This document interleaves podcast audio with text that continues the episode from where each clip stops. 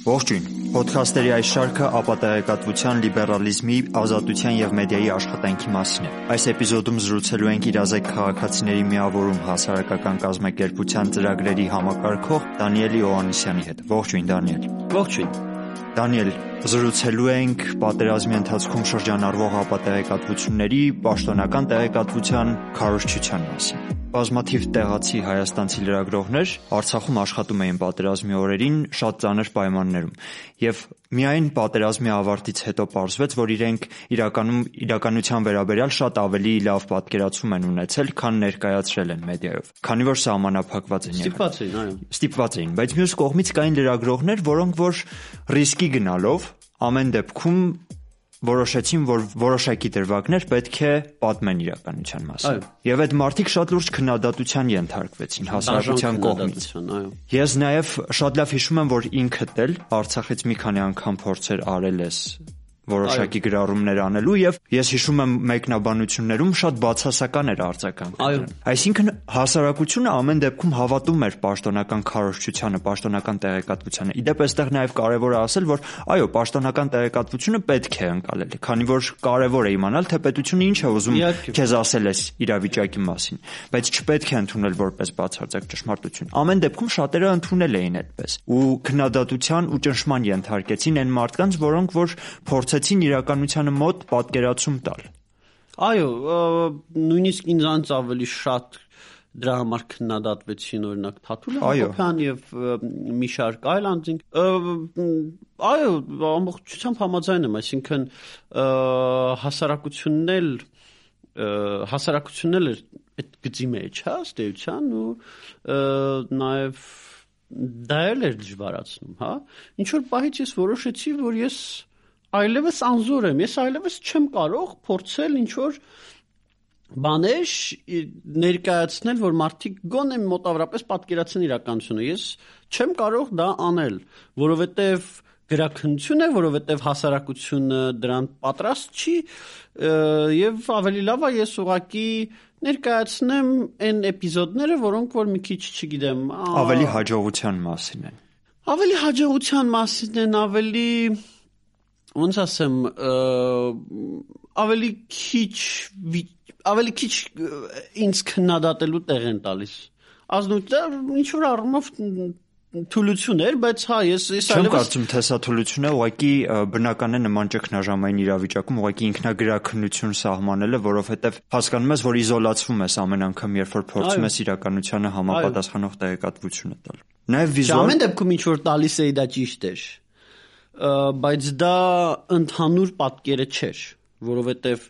տեսնում էինք հազար մի բան, ուղղակի երբ որ ինչ որ հաջողություն էինք տեսնում, ինչ որ բան էինք տեսնում, ասում ենք լավ, գոնե սա գրեն, գոնե սրա մասին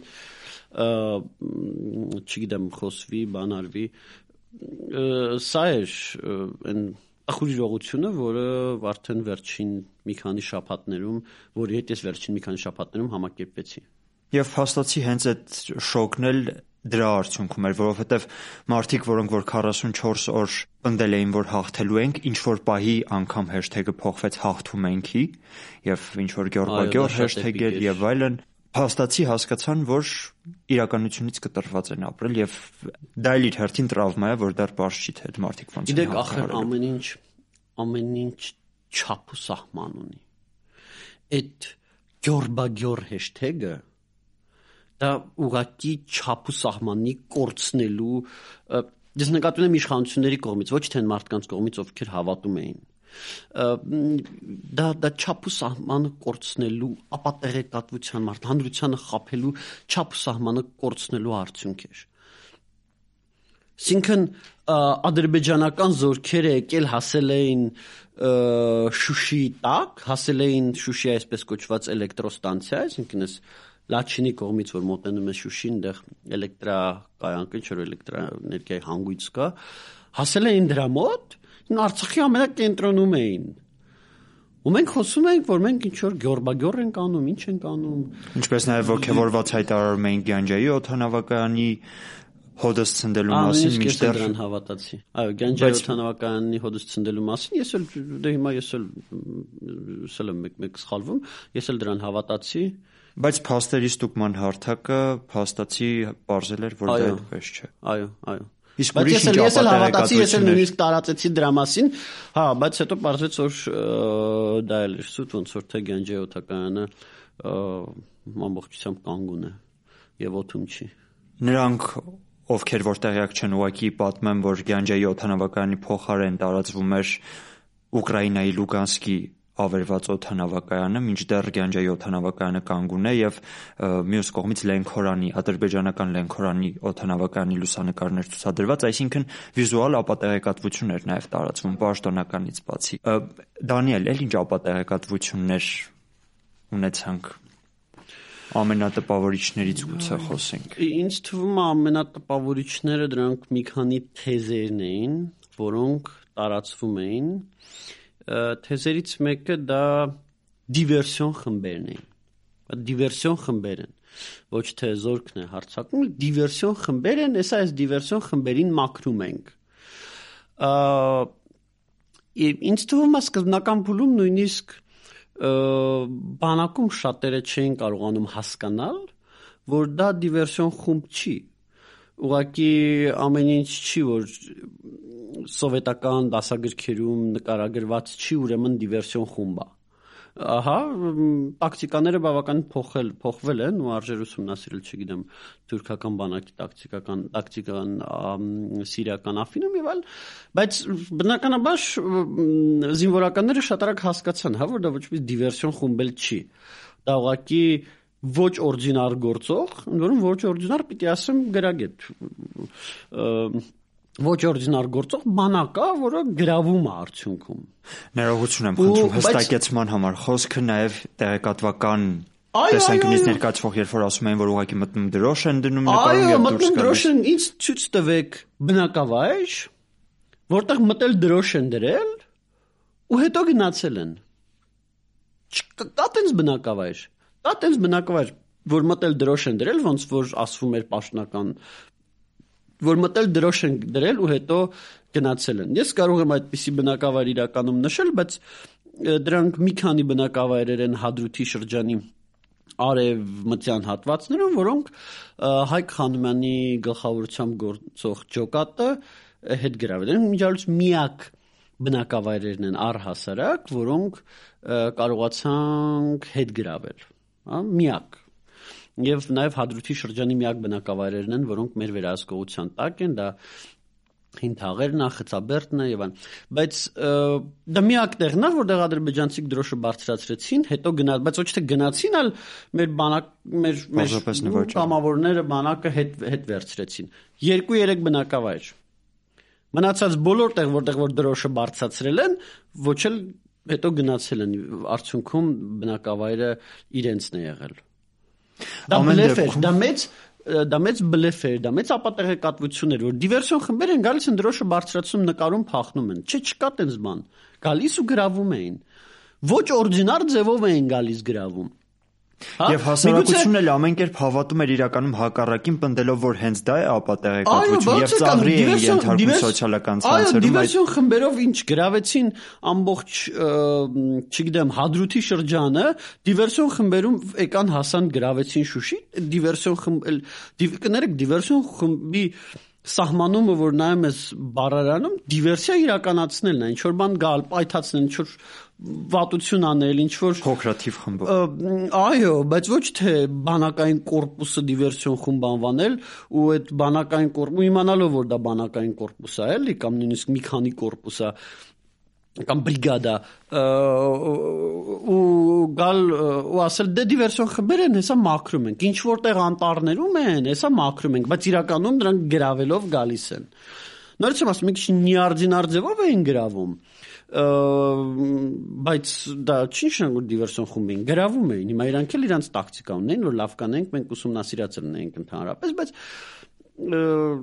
դա դա դա մեծագույն բլեֆերից մեկն էր մյուս բլեֆը դա տակտիկական նահանջն էր Ինչ տակտիկական նահանջ։ Ջաբրայելում տակտիկական նահանջ է։ Ինչ տակտիկական նահանջ։ Փախուստ է եղել։ Ջաբրայելում ամեն ինչ իրենց անուններով անվանենք։ Ջաբրայելում այո, եղել են զորքեր, զինվորներ, ովքեր միջև վերջ կանգնել են եւ վերջում էլ իրենց մի մասի ճակատագիրը միջև հիմա հայտնի չի, բայց մեծ հաշվով փախուստ ա եղել։ Ու ես հիմա ձեր եթերում մի գախնիկ բացեմ, Ջաբրայել հրամանատարն էլ ազատազրկված է դրա համար։ Ջաբրայելի գնդի հրամանատարը։ Սա հայտնի չէ, այսինքն գախնիկ, այսինքն սա հայտարարված չի։ Դրա մասին հայտարարված չի, ոչ միտեղ չեմ տեսել հայտարարված լինի։ Քրեակատարողական հիմնարկում է հիմա Ջաբրայելի հրամանատարը։ Որ տակտիկական նահանջարելի չի քրեակատարողական հիմնարկում ու շատ վաղուց արդեն քրեակատարողական հիմնարկում մի երկու ամիս կարող է լինի արդեն որ քրեակատարողականում է Ես ենթադրում եմ որ սրանք իրենք այս ամենը իրենք ընկալել են ուղակի պատերազմական ռոպագանդայի շրջանակում ու կարծել են որ այդպես ուղակի ողքեվորելով ու խրախուսելով հասարակությանը միայն նպաստում են ամեն դեպքում ծախողել են Հա բայց այդպես չի գիտեք ամբողջ Վարդենիսում ամբողջ Վարդը կարծեմ սեպտեմբերի 29-ն էր կամ 30-ն էր երբ որ պաշտոնապես հաղորդագրություն տարածվեց որ մենք մի ինքնաթիռ ենք կորցրել ամբողջ Վարդենիսը տեսավ, որ երկու հատ հայկական ինքնաթիռ Հայաստանի խորքից եկան եւ երկուսն էլ չվերադարձան։ Երկուսն էլ չվերադարձան։ Ամբողջ Վարդենիսը գիտեր։ Դա այդտեղ բոլորը գիտեին։ Ու երբ որ պաշտոնական հաղորդագրության մեջ տեսնում էին, որ մի ինքնաթիռ ենք կորցրել, ասում են սկսեցին բնականաբար չհավատալ նաև պաշտոնական հաղորդագրություններին, որոնք գալիս էին ռազմաճակատի ուրիշ հատվածներից։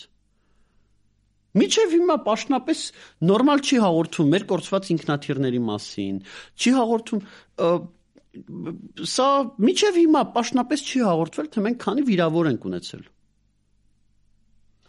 Միջև հիմա գախնի շարունակում են գախնի պահել հասարակությունից։ Հուսամ որ սա ուղղակի շատերի համար կարող է լավ դասին։ Եվ սրա արդյունքում եւ սրա արդյունքում նաեւ շատ լեգենդներ են հորինվում Իհարկե, հատկապես հարևանի տղայի զանգը առաջնագծից եւ այլն ու սա էր որոշ մարդկանց հիմնական աղբյուրը։ Ես հիշում եմ գյուղերում հատկապես մարդիկ արդեն առասպելներ էին հորինում ու միֆեր էին տարածում, ընդհանրապես հիմնվելով մեկ զանգի վրա, որովհետեւ դա իրենց համար ավելի վստահելի տեղեկատվության աղբյուր էր, որոշների համար։ Այո, եւ եւ եւ տենց պանիկան էր տարածում։ Եվ իշխանությունները մտածում էին, որ իշխանությունները մտածում էին, որ սենց ամեն ինչ լավ է, ասելով իրենք կկանխեն պանիկան, բայց եղավ ճիշտ հակառակը ճիշտ հակառակը, որովհետև երբ որ պաշտոնական տեղեկատվության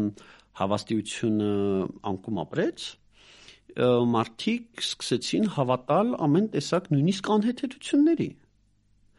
Իսկ անհեթեթությունները շատ էին եւ անհեթեթություններ տարածողներ, անհեթեթություններ նկատի ունեմ Ադրբեջանի հաջողությունների մասին անհետեցություններ։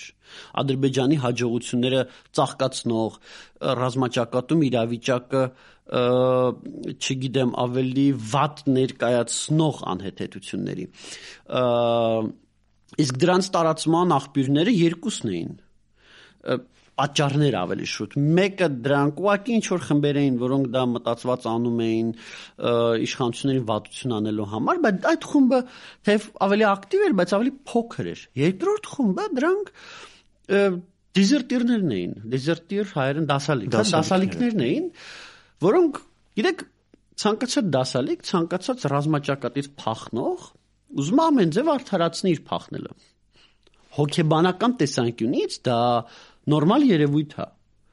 Եվ ամեն ձև ծաղկացնում է, կարող է պատմածից տպավորություն ստեղծի, որ ատոմային ռումբ են գլխին գցել։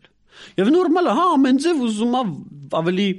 սև գույներով ներկայացնի իրավիճակը, որ ավելի հասկանալի լինի, թե ինչի է ինքը ռազմաճակատից փախել։ Ու մարդիկ սկսում էին իրենց հավատալ Մարդիկ սկսում էին այդ դասալիկներին, դասալիկներին հավատալ։ Իսկ դասալիկները ի վերջո ռազմաճակատից եկող մարդիկ էին, որտեղ մարդիկ ովքեր ռազմաճակատում կռվում էին, իրենք չէին գալիս, հանրության հետ համարյա չէին շփվում, որպես կանոն ինտերնետ էլ չունեին, հաճախ կապել չունեին Եվ որպես կան հանրության հետ չեն շփվում, հանրության հետ շփվում էին դասալիկները, ովքեր շատ սև գույներով էին ներկայացնում ռազմաճակատում իրավիճակ որ արդարացնեն իրենց դասալքությունը, արդարացնեն իրենց փախնելը ու հանրությունը սկսում էր դրան ավելի շատ հավատալ, քան պաշտոնականին։ Եվ սա եւ սա խնդիր է։ Ուղղակի պետք է նաեւ Դանիել կարևոր է նաեւ շեշտել, որ որոշ դեպքերում գուցե դա արդարացված է եղել, որովհետեւ որոշ դեպքերում իսկապես շատ անկազմակերպ է եղել այդ տեղեկատվությունը շատ հա, տեղերից են Հա, բայց բայց ես ես ես բերեմ մի օրինակ, ես նի պահ դա նոյեմբերի սկզբերին էր Քաշաթաղի, այսինքն Լաչինի շրջանի հյուսիսում էի, եւ այնտեղ մենք որևիցե կապ չունեինք ու կար հերոստատեսություն եւ կային ինչ-որ գնացող եկող խմբեր։ Հերոստատեսությամբ դե գիտենք ինչ պատկերներ ներկայացում, ու ինչ որ մարդ էր Լաչինից եկել էր, հարցրեցինք, ասցինք ո՞նց է վիճակը, բան, որովհետեւ մի կես օր որևիցե խաբար չունեին, որևիցե կապ չունեինք։ Ո՞նց է վիճակը։ Բա շատ վատ է, արդեն էլ արկեր չունենք, Տշնամի ադրբեջանցի Լաչինից 6 կիլոմետրի վրա են, արդեն Շուշին գրավել են, այդ պահին դեռ Շուշի չէին մտել։ Այդ պահին դեռևս Շուշի չէին մտել նույնիսկ չէին մտել, հա, այսինքն Շուշին գրավել են, Լաչինից 6 կիլոմետրի վրա են, մեր սնարադները պրծնում են, ինչ որ sense վիճակ, հետո ամբողջ այդ գյուղի բնակչությունը Վարդուտ գյուղն էր։ Սկսեց այդ մարդուն հավատալ որտեվ հերոստատեսության հերոստացույցին այլևս չէին հավատում հիշ աղբյուր այդ մարդը սկսեցին հավատալ հետո բարձրեց որ այդ մարդը դասալիկ է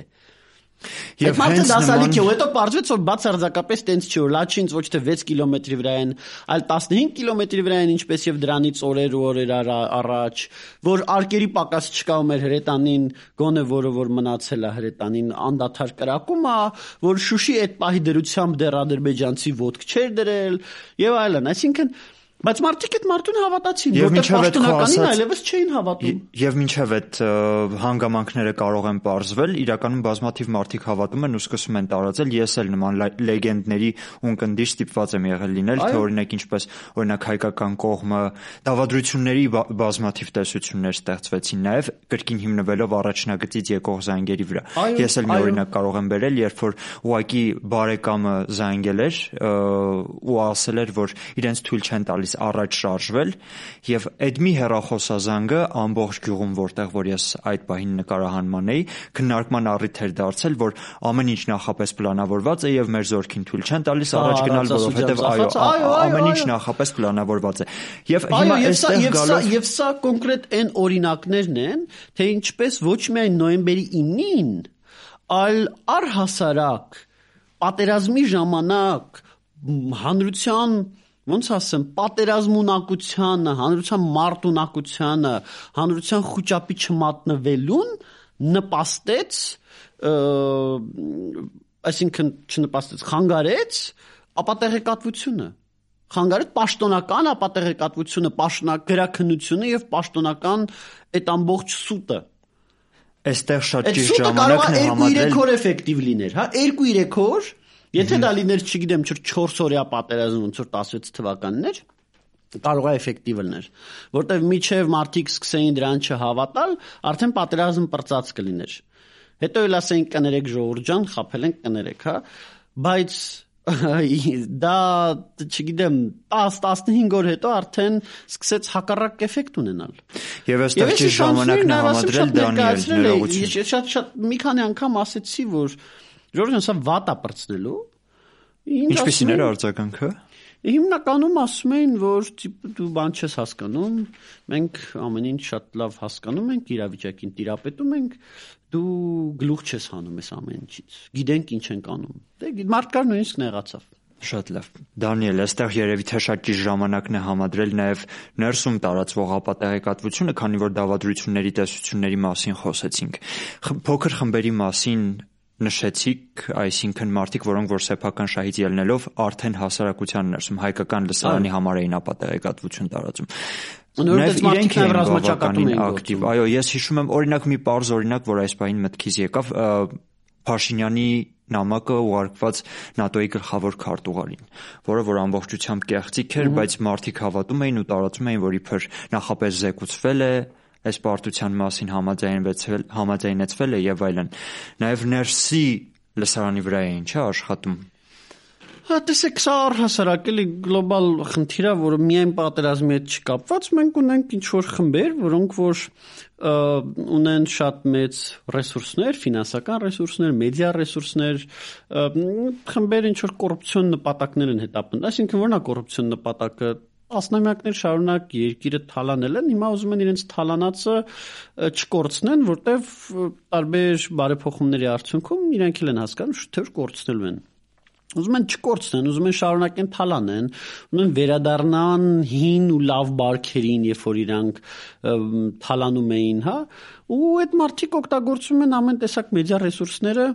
իշխանությունների դեմ։ Ես բնավ հիմա չեմ ուզում իշխանություններին պաշտպանած լինեմ։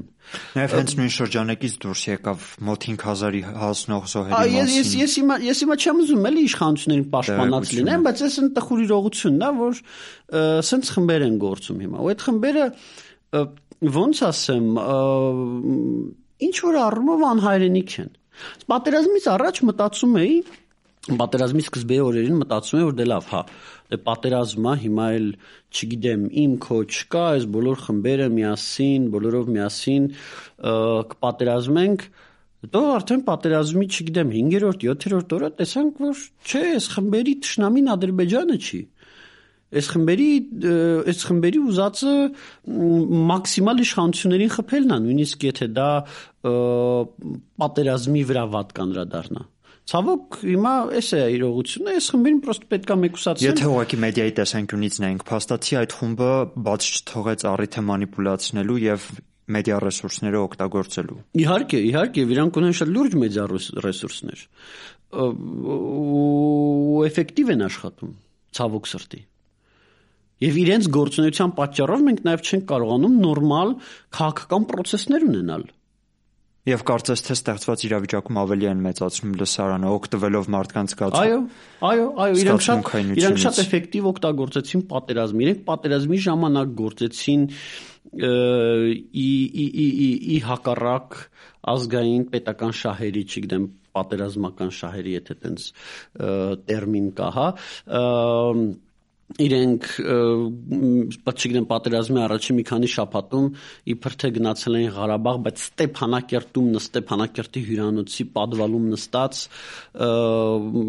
կոնկրետ շատ բան էին անում, չգիտեմ խոճապ էին տարածում, բան էին անում։ Սա այս այս խմբերի հարցը մի առանձին խնդրեմ է, որով պետքա պետքա զբաղվել, այս խմբերին պետքա քաղաքական մեդիա դաշտից հեռացնել։ պետք Իրենք կրիմինալ խմբեր են մեծ հաշվով եւ իրենց նկատմամբ դե, վերաբերմունքը լինի համապատասխան որևէ մեկին մեդիա դաշտից ուղղակի պետք է մեդիա դաշտը գրագետ սպառել, այսինքն իմանալ թե ասելով հեռացնել մեդիա դաշտից ես նկատի ունեմ ֆիզիկապես նկատի ունեմ հասարակությունը պետք է իրենց իգնոր անի։ Այո, եւ կարեւոր է նաեւ որ հասարակությունը եւս հասկանա, որ օգտագործելով այս պահի էմոցիոնալ սենտիմենտը հենց այդ զգացմունքայնության վրա փորձում են Այո, ես նորից եմ ասում, ես բնավ չեմ ուզում իշխանություններին Ես բնավ չեմ ուզում իշխանություններին արդարացնեմ, հա, մենք նախորդ չգիտեմ 25 րոպե նպատակը մեդիայի մասին խոսելն է, ոչ թե որևէ մեկին արդարացնել։ Մեդիա քաղաքականության քննադատություններ, բայց ամեն դեպքում նաև այս այս այս խնդիրը կա, լրջագույն խնդիրը մեդիայում։ Դանիել, մի շատ լավ նախադասություն կա, շատ հայտնի, ասում են, որ պատերազմի առաջին զոհը ճշմարտությունն է այս պատերազմում եւս ճշմարտությունը զոհվեց։ Մենք խոսեցինք հայկական մեդիայում ապատայեկատվության մասին, թե պաշտոնական մակարդակով, թե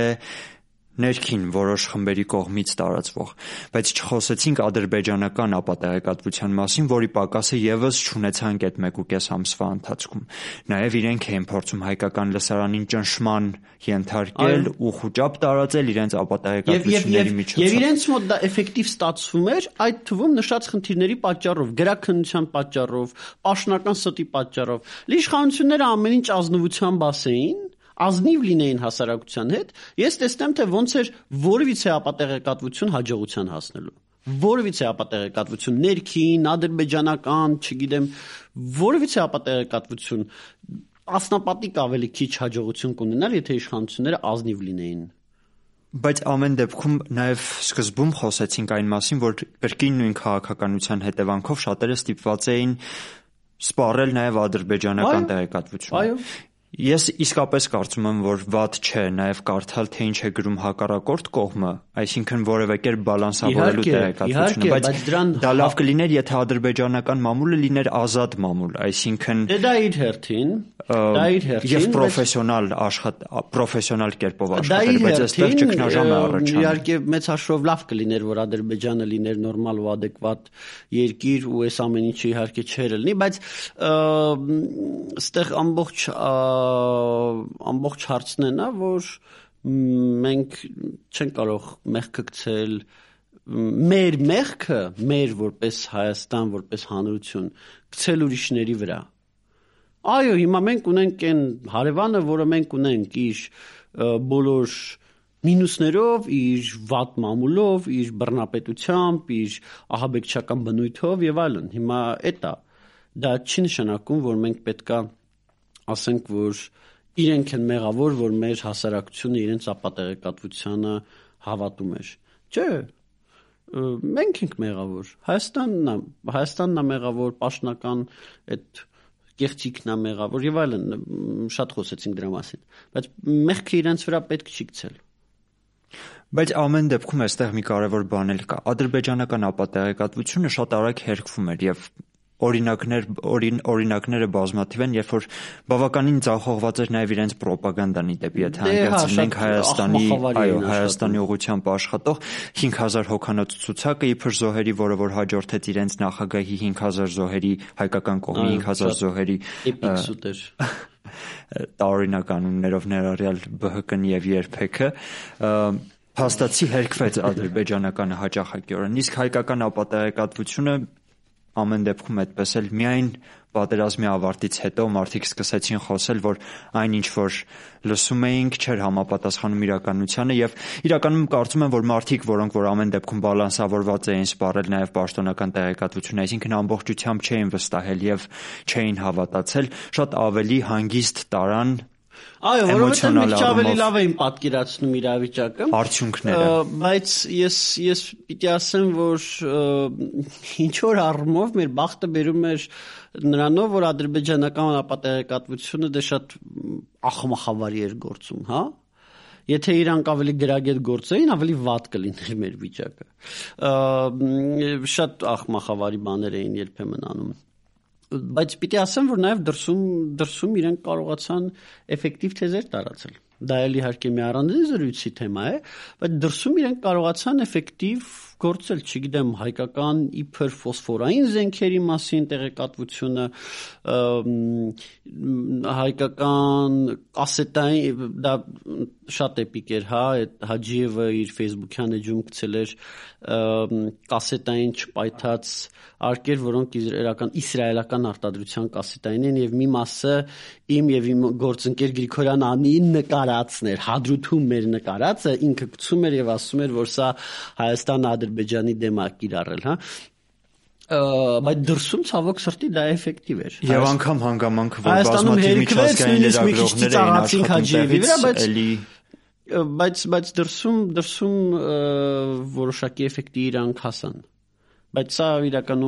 կարծում եմ բավականին մեծ է իրականում կարծում եմ բավականին մեծ էֆեկտի այսինքն տեղեկատվական պատերազմը եթե ուղակի դրսի լսարանի համար դիտարկենք